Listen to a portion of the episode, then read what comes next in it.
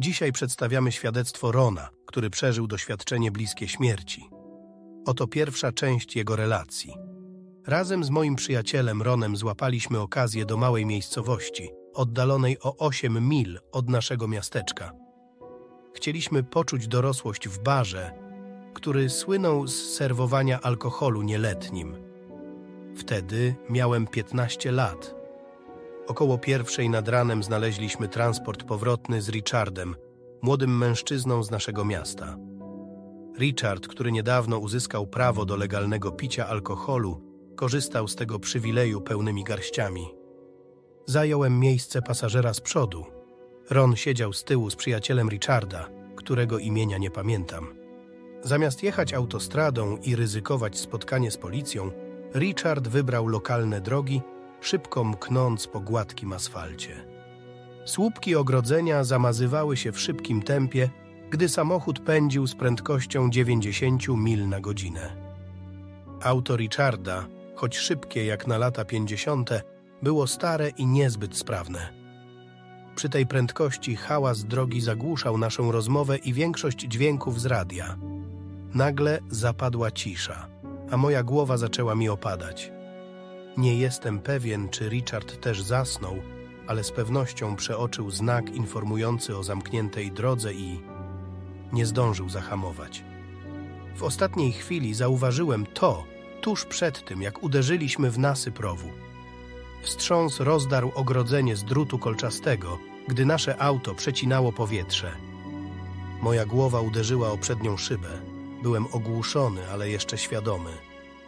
Głowa mi brzęczała, gdy samochód przeleciał 50 yardów przez pastwisko. Wszystko wydawało się dziać w zwolnionym tempie.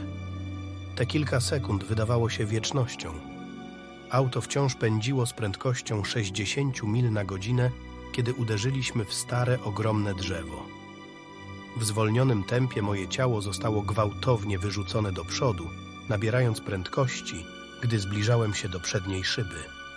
Pamiętam, jak moja twarz zetknęła się z szybą i jak ją rozbiła. Nie czułem bólu, tylko napięcie. Następnie straciłem przytomność. Po zderzeniu moja głowa opadła za przednią szybę i znalazła się za metalowym wspornikiem trzymającym lusterko wsteczne. Ron opowiedział mi później, że gdy on i Richard odzyskali przytomność, zobaczyli mnie tam wiszącego, całego we krwi. Richard chciał mnie uwolnić, ale Ron go zatrzymał, obawiając się, że mogłoby to jeszcze bardziej zaszkodzić mojemu ciału. Patrzyli na mnie i myśleli, że nie żyję. Obaj doznali poważnych obrażeń, ale ruszyli pieszo w poszukiwaniu pomocy, zostawiając mnie zawisłego z przodu samochodu, a przyjaciela Richarda nieprzytomnego na tylnej kanapie. Kiedy wrócili z pomocą, zarówno przyjaciel Richarda, jak i ja zniknęliśmy. Przyjaciel Richarda, prawdopodobnie zdezorientowany i przestraszony, obudził się i wyciągnął mnie z wraku.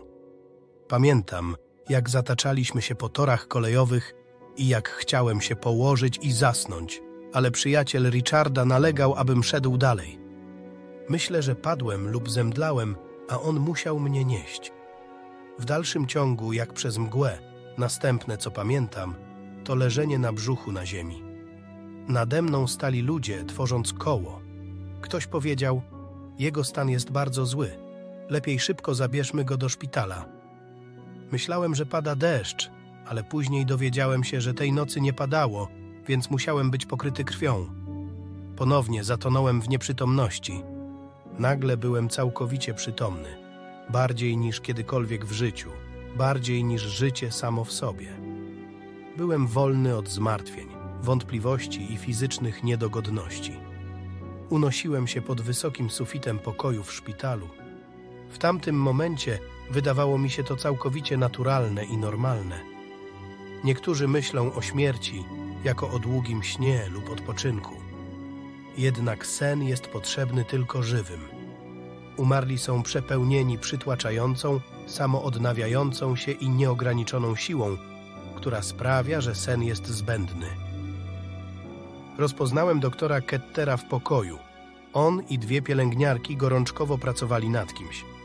Krew i płyny były podawane do jednej z jego rąk, a do drugiej dolewano kolejną butelkę krwi. Jedna pielęgniarka wykonywała kompresję klatki piersiowej, druga mocno trzymała jego brodę jedną ręką, a drugą przyciskała do boku jego szyi, aby spowolnić krwawienie. Doktor Keter szył rany z zręcznością i szybkością godną podziwu. Wtedy uświadomiłem sobie, że zajmowano się moim ciałem. Musiałem się dobrze przyjrzeć, aby to potwierdzić. Ciało bez duszy wydaje się pozbawione wyrazu. W rzeczywistości wiele z cech, które odróżniają nasze twarze i sylwetki od siebie, to wynik działania naszego umysłu. To konstrukty ego, które odgradzają nas od innych, oceniając ludzi na podstawie ich wyglądu. Kiedy umieramy i odkrywamy uniwersalne połączenie z całym rodzajem ludzkim poprzez tę samą esencję życia, te charakterystyczne cechy mieszają się, tworząc wspólny obraz człowieczeństwa. W tym momencie zrozumiałem, że nie żyję i przyniosło mi to dziwną ulgę. Byłem wdzięczny za to, że wysiłki lekarza i pielęgniarek były bezskuteczne. Ostatnią rzeczą, której pragnąłem, było powrócić. Ciało leżące tam nie miało dla mnie żadnego znaczenia. Było niczym więcej niż kawałkiem mięsa. Fizyczne ciało to tylko narzędzie, które mogłem odrzucić z taką samą łatwością, jak zepsute narzędzie. Pomyślałem sobie wtedy, ile doskonałej ziemi i pieniędzy marnuje się na pogrzeby.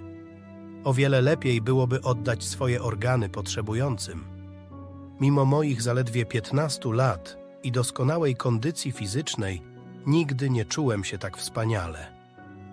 Nie istnieje na Ziemi żadne doświadczenie ani stan wywołany chemią, które mogłoby się równać z tym stanem poza ciałem. Najlepszym porównaniem, jakie mogę podać, jest to, że nawet w najlepszy dzień swojego życia jesteś pełen bólu w porównaniu do tego stanu. Doświadczyłem najwyższego spokoju i absolutnego braku lęku. Odczuwałem pełnię i absolutne poczucie bezpieczeństwa. Prostota i czystość przenikały mnie niczym osmoza. Wszystko, co złe, straszne lub mylące, pozostało w tamtym kawałku mięsa. Moja prawdziwa tożsamość była nienaruszona, a ja czułem się cudownie pokorny, czysty i pełen miłości. Bycie martwym oznacza brak wszelkich informacji zmysłowych.